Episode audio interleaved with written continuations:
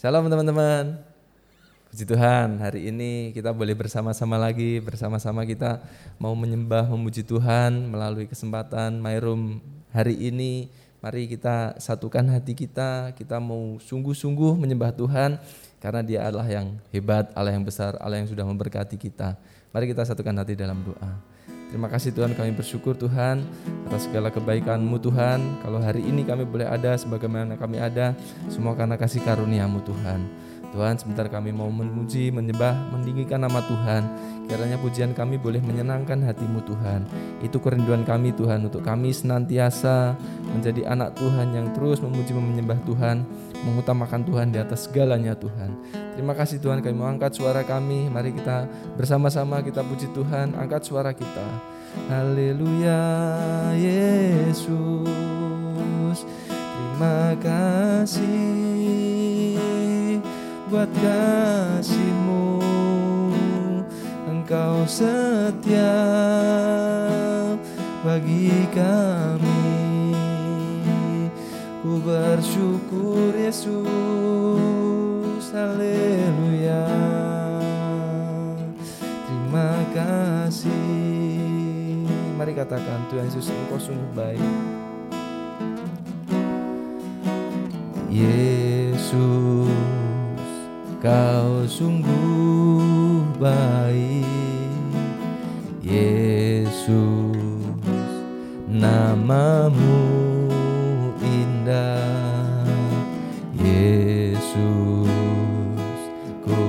cinta kau selalu. Ku tinggikan, ku agungkan selamanya. Sekali lagi katakan Yesus. Yesus kau sungguh baik. Yesus namamu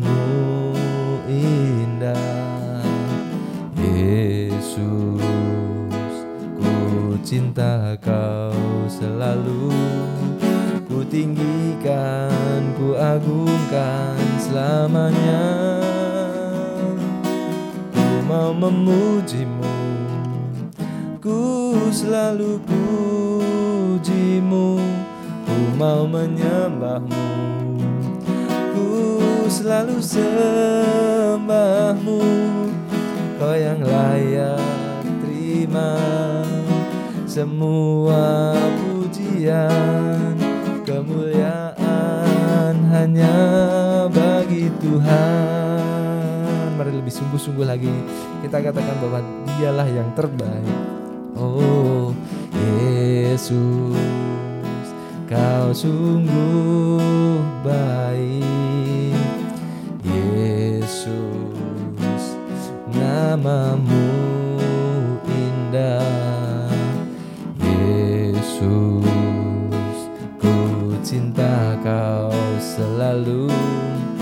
Ku tinggikan, ku agungkan selamanya.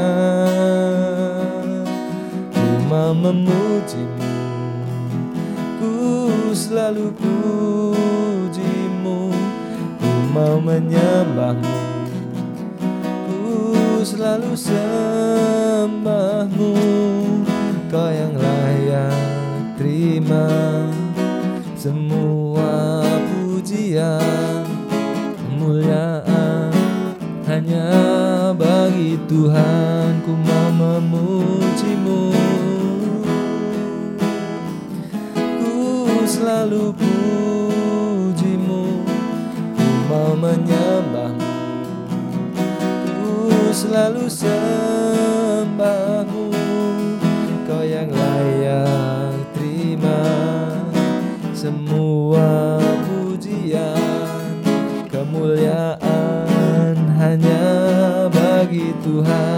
Katakan semua kemuliaan Semua kemuliaan dan keagungan tertuju padamu Tuhan dan Rajaku segenap jiwa dan nafasku. Menyembah Yesus yang sekali katakan semua kemuliaan, semua kemuliaan dan keagungan tertuju padamu. Tuhan dan Rajaku segenap jiwa dan nafasku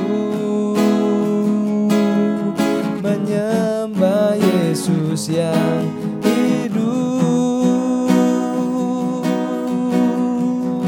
katakan ku mau memujimu. Ku mau memujimu. Ku selalu pujimu. Ku mau menyembahmu. Ku selalu sembahmu. Kau yang layak terima semua pujian kemuliaan hanya bagi Tuhan. Ku mau memujimu ku mau memujimu. Ku selalu pujimu ku mau menyembahmu. Ku selalu sembahmu katakan dengan sungguh kau yang layak terima semua pujian kemuliaan hanya bagi Tuhan kau yang layak. Mari dengan sungguh-sungguh kau yang layak terima semua pujian. Kemuliaan hanya bagi Tuhan. Sekali lagi katakan kau yang layak kau yang layak terima semua pujian kemuliaan hanya bagi Tuhan. Beri kemuliaan untuk Tuhan. Sebab kau yang layak terima segalanya. Segala hormat kemuliaan hanya bagi Raja Yesus. Yesus ku sembah kau sebab kau Allah yang besar Allah yang setia. Tak pernah meninggalkan kami bersyukur buat kasihmu. Selalu baru Tuhan terima kasih. Tiada yang sepertimu engkau setia menyertai kami. Menolong aku terima kasih. Haleluya. Ku bersyukur buat segala kasihmu buat segala pekerjaanmu. Terima kasih. Mari sungguh-sungguh. Teman-teman mari kita lebih sungguh-sungguh lagi. Kita sembah Tuhan ucapkan syukur kita. Haleluya. Terima kasih Yesus buat segala yang sudah Tuhan beri dalam hidup kami. Oleh sebab itu Tuhan kami mau menyembahmu meninggikan memuliakan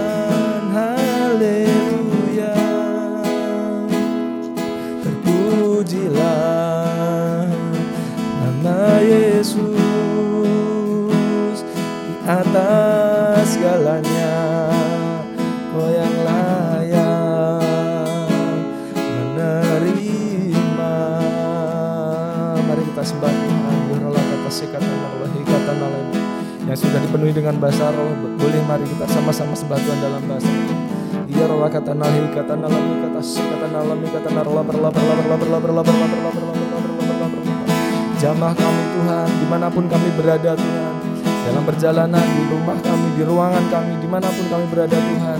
Kami rindukan Engkau Tuhan, jamah kami, penuhi kami dengan rohmu Yorolah kata sekata nalami, hei kata nalami, kata nalabar, labar, labar, labar, labar, labar, labar, Iya kata nahi, kata nalami, kata labar, labar, labar, labar, labar. Yesus, terima kasih buat segala yang kau Haleluya graças, Jesus. Mari katakan, ku kagum hormat akan engkau. Mari yang kagum dengan Tuhan katakan Ku kagum hormat akan engkau. Kau Allah yang layak dipuji. Ku kagum akan engkau. Sekali katakan Ku kagum hormat akan engkau. Ku kagum hormat akan engkau. Kau Allah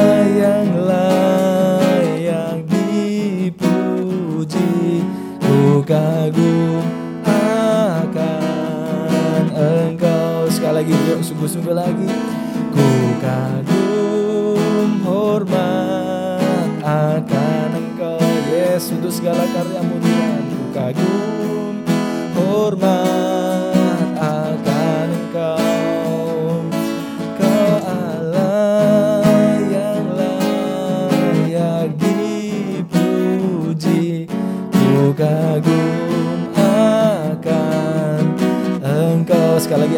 ekspresikan kasih hormat kita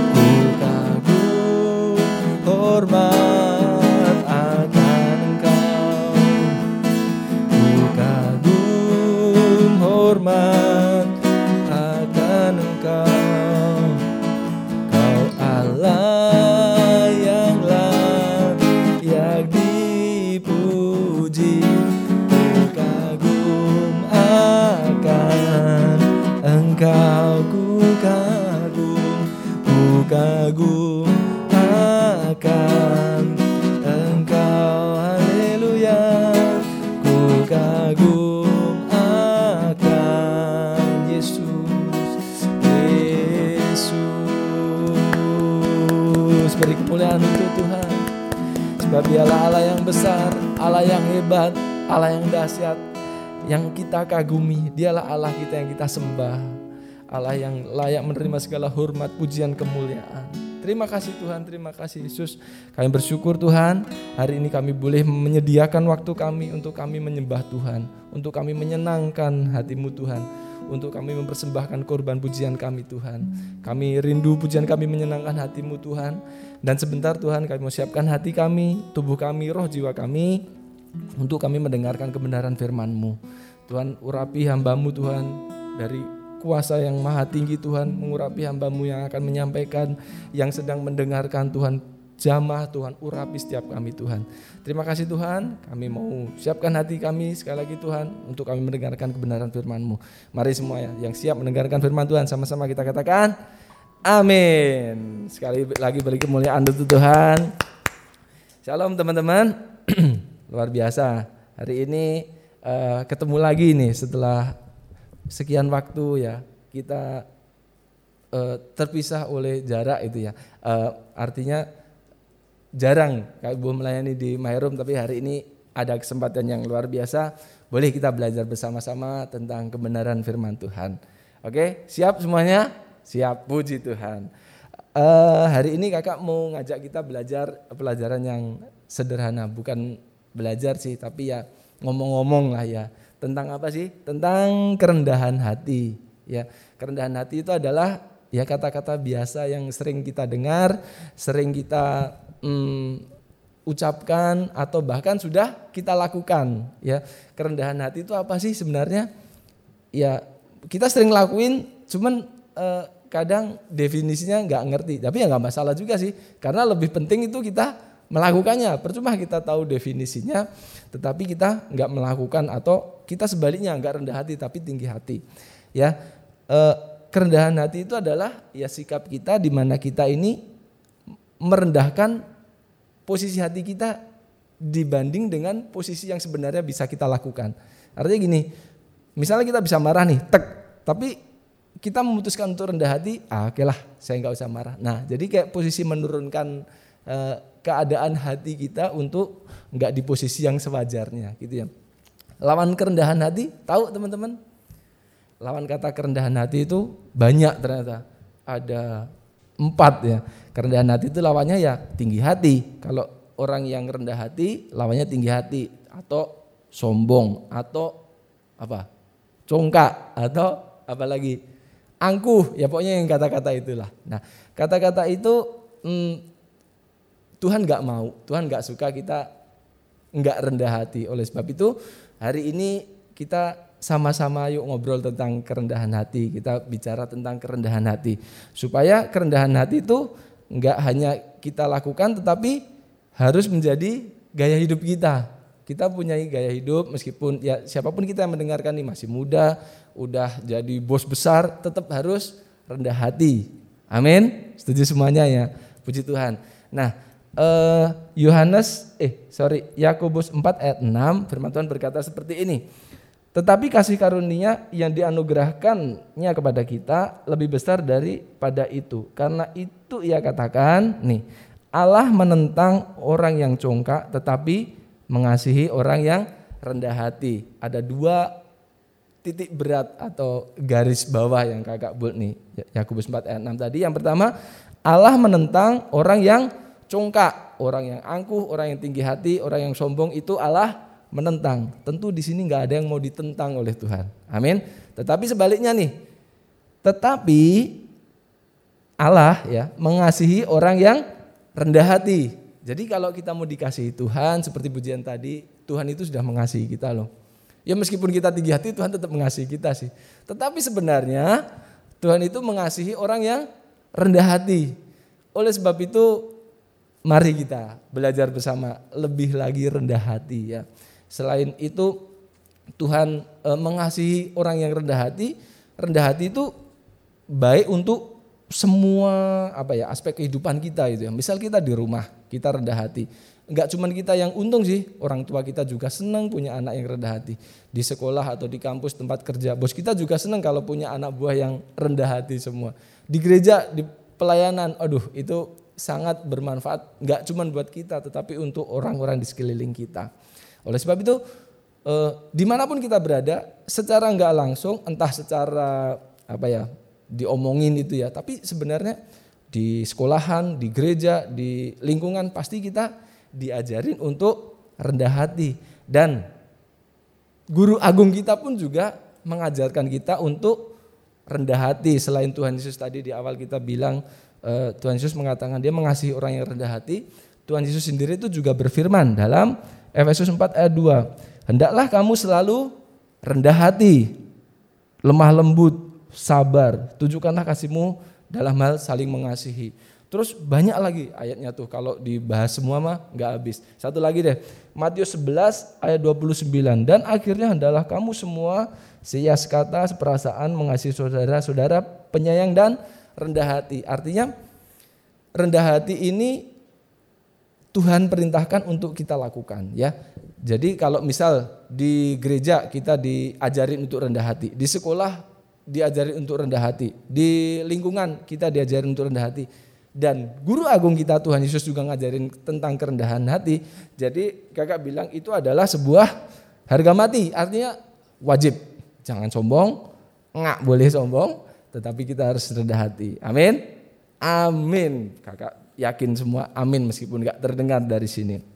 Dan satu lagi teman-teman, ternyata tidak hanya melalui ucapan, Tuhan Yesus juga sudah lebih dahulu membuktikan kerendahan hatinya dia lakukan untuk kita ya. Jadi perkataan Tuhan ini selalu powerful dan selalu uh, berkuasa gitu ya. Kenapa? Ya karena Tuhan itu melakukan dulu baru dia ngajarin gitu loh. Tuhan Yesus melakukan kerendahan hati dulu baru dia ngomong hendaklah kamu rendah hati. Dan eh, ajaran itu juga masih kita dengar sekarang. Sebelumnya kita sudah melihat Tuhan Yesus sendiri sudah merendahkan hati. Bahkan eh, di Filipi 2 ayat 6 itu Filipi 2 ayat 7 Tuhan bukan rendah hati tapi sampai mengosongkan dirinya sendiri ya. Ayatnya begini, yang walaupun dalam rupa Allah tidak menganggap kesetaraan dengan Allah itu sebagai milik yang harus dipertahankan. Filipi 2 ayat 7, melainkan telah mengosongkan diri dan mengambil rupa seorang hamba dan menjadi sama dengan manusia. Ya, ini ayat yang sangat terkenal. Tuhan Yesus yang tadinya itu setara dengan Tuhan, dia enggak eh, tidak menganggap kesetaraan dengan Allah itu sebagai milik yang harus dipertahankan, tetapi telah melainkan mengosongkan diri. Itu kalau kosong itu bukan rendah lagi ibaratnya ya. Misal hati kita sebenarnya di sini nih, rendah hati di sini. Tapi Tuhan itu sampai mengosongkan diri loh. Artinya udah udahlah udah gak ada harganya ibarat gitu. Dan itu adalah teladan yang luar biasa. Janji yang apa e, karya atau pekerjaan Tuhan yang sudah sudah Tuhan lakukan sebagai contoh supaya kita ini juga melakukan atau mempunyai sifat rendah hati. Tuhan ngajarin, Tuhan sudah ngasih contoh. Yang ketiga, eh, langkah selanjutnya sekarang gimana sih kak? Oke, saya mau rendah hati nih kak. Caranya gimana? Gampang. Setiap kita melihat situasi ya yang kira-kira cukup menjengkelkan atau membuat kita marah gitu ya, eh, tarik nafas dulu ya. Ada ada sesuatu yang bikin jengkel, jangan langsung bereaksi, jangan langsung ngomong, jangan langsung ambil tindakan, tetapi tarik nafas dulu. Nah, tarik nafas itu bisa meredakan situasi hati kita, ya. Tarik nafas yang panjang, baru kita pikirkan, oh, aku inget nih, waktu itu diingetin untuk rendah hati itu. Yang kedua, ini eh, beberapa pekan yang lalu Pak Rudi ngingetin kita ya, di dopeng sih, eh, teman-teman yang nggak dopeng nggak apa-apa, ini bonus saja nih. Yang di dopeng itu Pak Rudi ingat untuk kita ini fokus pada gambar besar. Ada gambar kecil, ada gambar besar. Nah, maksudnya gimana sih kak? Misal gambar yang sama nih. Kalau kita cuma lihat gambar yang kecil itu nggak ada indah-indahnya, dek. Adik-adikku, teman-temanku, siapa pun yang di sini ya. Kalau kita cuma melihat gambar yang kecil, artinya keseharian kita tuh ya gambar kecil, gambar kecil itu.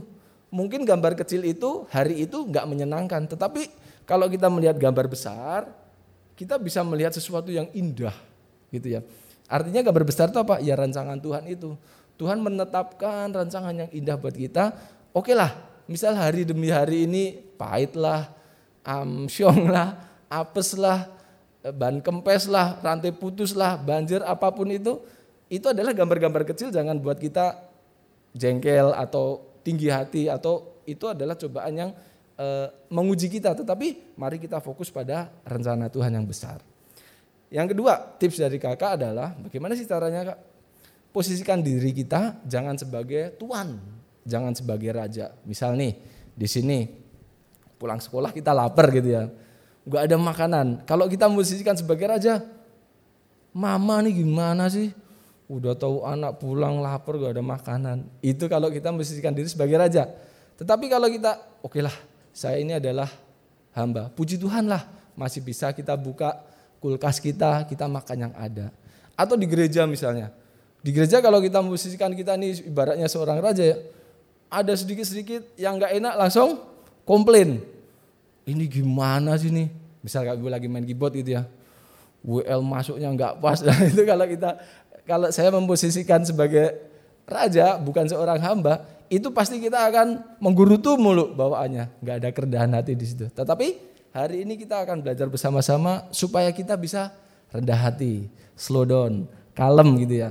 Jadi, oh ini berarti melihat sesuatu tuh dengan tenang dulu, terus kita cari solusinya, kita pecahkan dengan baik. Jadi bukan amarah dulu, bukan marah dulu, tetapi kerendahan hatilah itu yang harus kita utamakan. Yang terakhir, yang terakhir ini belum berarti mau selesai ya adik-adik ya, tak kasih tahu nih. Yang terakhir itu masih ada penutup, masih ada kesimpulan, masih ada kritik dan saran. Enggak, ini uh, poin yang ketiga. Uh, manfaatnya apa sih kak kalau kita rendah hati?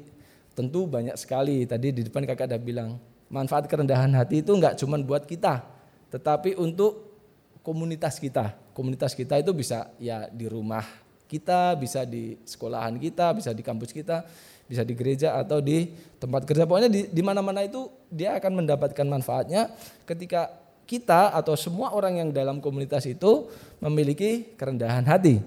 Itu. Dalam janji Tuhan pun juga banyak banget nih kalau saya bacakan nggak habis nih. Uh, saya bacakan sebagian ya. Amsal nih dalam kitab Amsal mengatakan begini. Amsal 29 ayat 23 Keangkuhan merendahkan orang, tetapi orang yang rendah hati menerima pujian. Nah, jadi Orang yang rendah hati dia akan menerima pujian. Ah kak, tapi pujian kan buat Tuhan. Oke lah, lupakan itu. Tapi tetap harus rendah hati ya. Soalnya ada janji lagi. Tinggi hati, Amsal 18 ayat 12. Tinggi hati mendahului kehancuran. Tetapi kerendahan hati mendahului kehormatan. Jadi eh, kalau kita mau mendapat kehormatan, hmm, kita harus rendah hati. Tetapi nanti teman-teman bilang lagi, ah kehormatan, pujian, kehormatan kan buat untuk Tuhan. Oke lah, ada bonus lagi teman-teman. Uh, di mana ya? Nah nih, Amsal 22 ayat 4. Gak usah ditampilin, nanti buka aja sendiri ya. Uh, kalau terlalu cepat nanti di rewind, dimundurin dikit. Amsal 224 nih, ini ayatnya keren banget nih adik-adik. Ganjaran kerendahan hati dan takut Tuhan adalah kekayaan. Siapa yang mau kaya? Apa mau miskin terus gitu ya? Kekayaan kehormatan dan kehidupan ya. Amsal 22 ayat 4. Ini adalah yang ditulis oleh hmm, Amsal Salomo, ya, orang yang sangat berhikmat. Uh, dia mengatakan kalau kita rendah hati, kita akan mendapatkan kekayaan, kehormatan dan kehidupan. Jadi itu buat sisi kita ya. Artinya manfaatnya itu enggak enggak enggak cuma untuk orang lain, kita sendiri itu juga dapat manfaat yang sangat banyak. Nah, sebagai tadi kan terakhir nih, ini penutup nih. E, penutupnya kakak buka di 1 Petrus 5 ayat 5. Ini saya asumsikan semua ini yang dengar ini anak-anak muda ya. Anak-anak muda. Pesan Tuhan seperti ini, 1 Petrus 5 ayatnya yang kelima. Demikian jugalah kamu, hai orang-orang muda, tunduklah kepada orang-orang yang tua. Itu adalah pesan yang pertama. Itu adalah ekspresi orang yang rendah hati. Orang-orang muda tunduklah kepada orang-orang yang tua dan kamu semua rendahkanlah dirimu seorang terhadap yang lain sebab nih ini hampir sama dengan ayat yang pertama banget tadi kita baca. Allah menentang orang yang congkak tetapi mengasihani orang yang rendah hati ya. Di sini ayatnya sangat jelas sekali bagaimana sih supaya kita ini e, menunjukkan sikap rendah hati kita. Ya, anak-anak muda yang yang masih muda, ayo dengerin kakak ya. Demikianlah jugalah kamu, hei orang-orang muda, tunduklah kepada orang-orang yang tua dan kamu semua, nih, tadi kan yang muda nih, yang muda tunduklah kepada orang-orang yang tua. Titik. Lalu ayat, uh, kalimat berikutnya berkata demikian. Dan kamu semua itu artinya yang muda, yang tua, yang setengah tua, yang umas. Artinya kamu semua rendahkanlah dirimu seorang terhadap yang lain. Karena tadi pesannya ingat Tuhan Yesus menentang orang yang congkak, angkuh, sombong, tinggi hati. Tetapi Tuhan Yesus mengasihi atau mengasihani orang yang rendah hati. Jadi kerendahan hati itu adalah harga mati. Jangan sampai kita sombong, kita nggak boleh terjebak di situ yang kita nggak boleh angkuh, kita harus menundukkan diri kepada orang yang lebih tua. Anak-anak muda yang mau katakan amin, amin. Oke, kakak dengar dari sini. Ya, kita nggak boleh sombong, pokoknya nggak boleh tinggi hati. Tetapi sebaliknya, kerendahan hati itu harus senantiasa kita lakukan bahkan itu sampai menjadi gaya hidup kita. Amin. Oke, mari kita satukan hati, kakak mau pimpin dalam doa. Terima kasih Tuhan Yesus, kami bersyukur kalau hari ini Tuhan kami boleh bersama-sama belajar tentang kerendahan hati Tuhan. Mungkin kami sudah melakukannya Tuhan, tetapi melalui pelajaran atau obrolan kami hari ini Tuhan, kami mau Tuhan menjadi anak Tuhan yang rendah hati. Karena itulah yang Tuhan kehendaki supaya kami kerjakan dan kami juga mau menjadi berkat di mana pun kami berada dengan kerendahan hati kami. Terima kasih Tuhan, kami serahkan hidup kami, masa depan kami, pelayanan kami, sekolah, kuliah kami, pekerjaan kami dalam tangan kuasamu. Karena Tuhan kau yang terus menyertai kami dari hari ini sampai Tuhan Yesus datang yang kedua kali. Terima kasih Tuhan, hanya di dalam nama Tuhan Yesus kami telah berdoa. Haleluya, mari sama-sama yang percaya katakan, amin.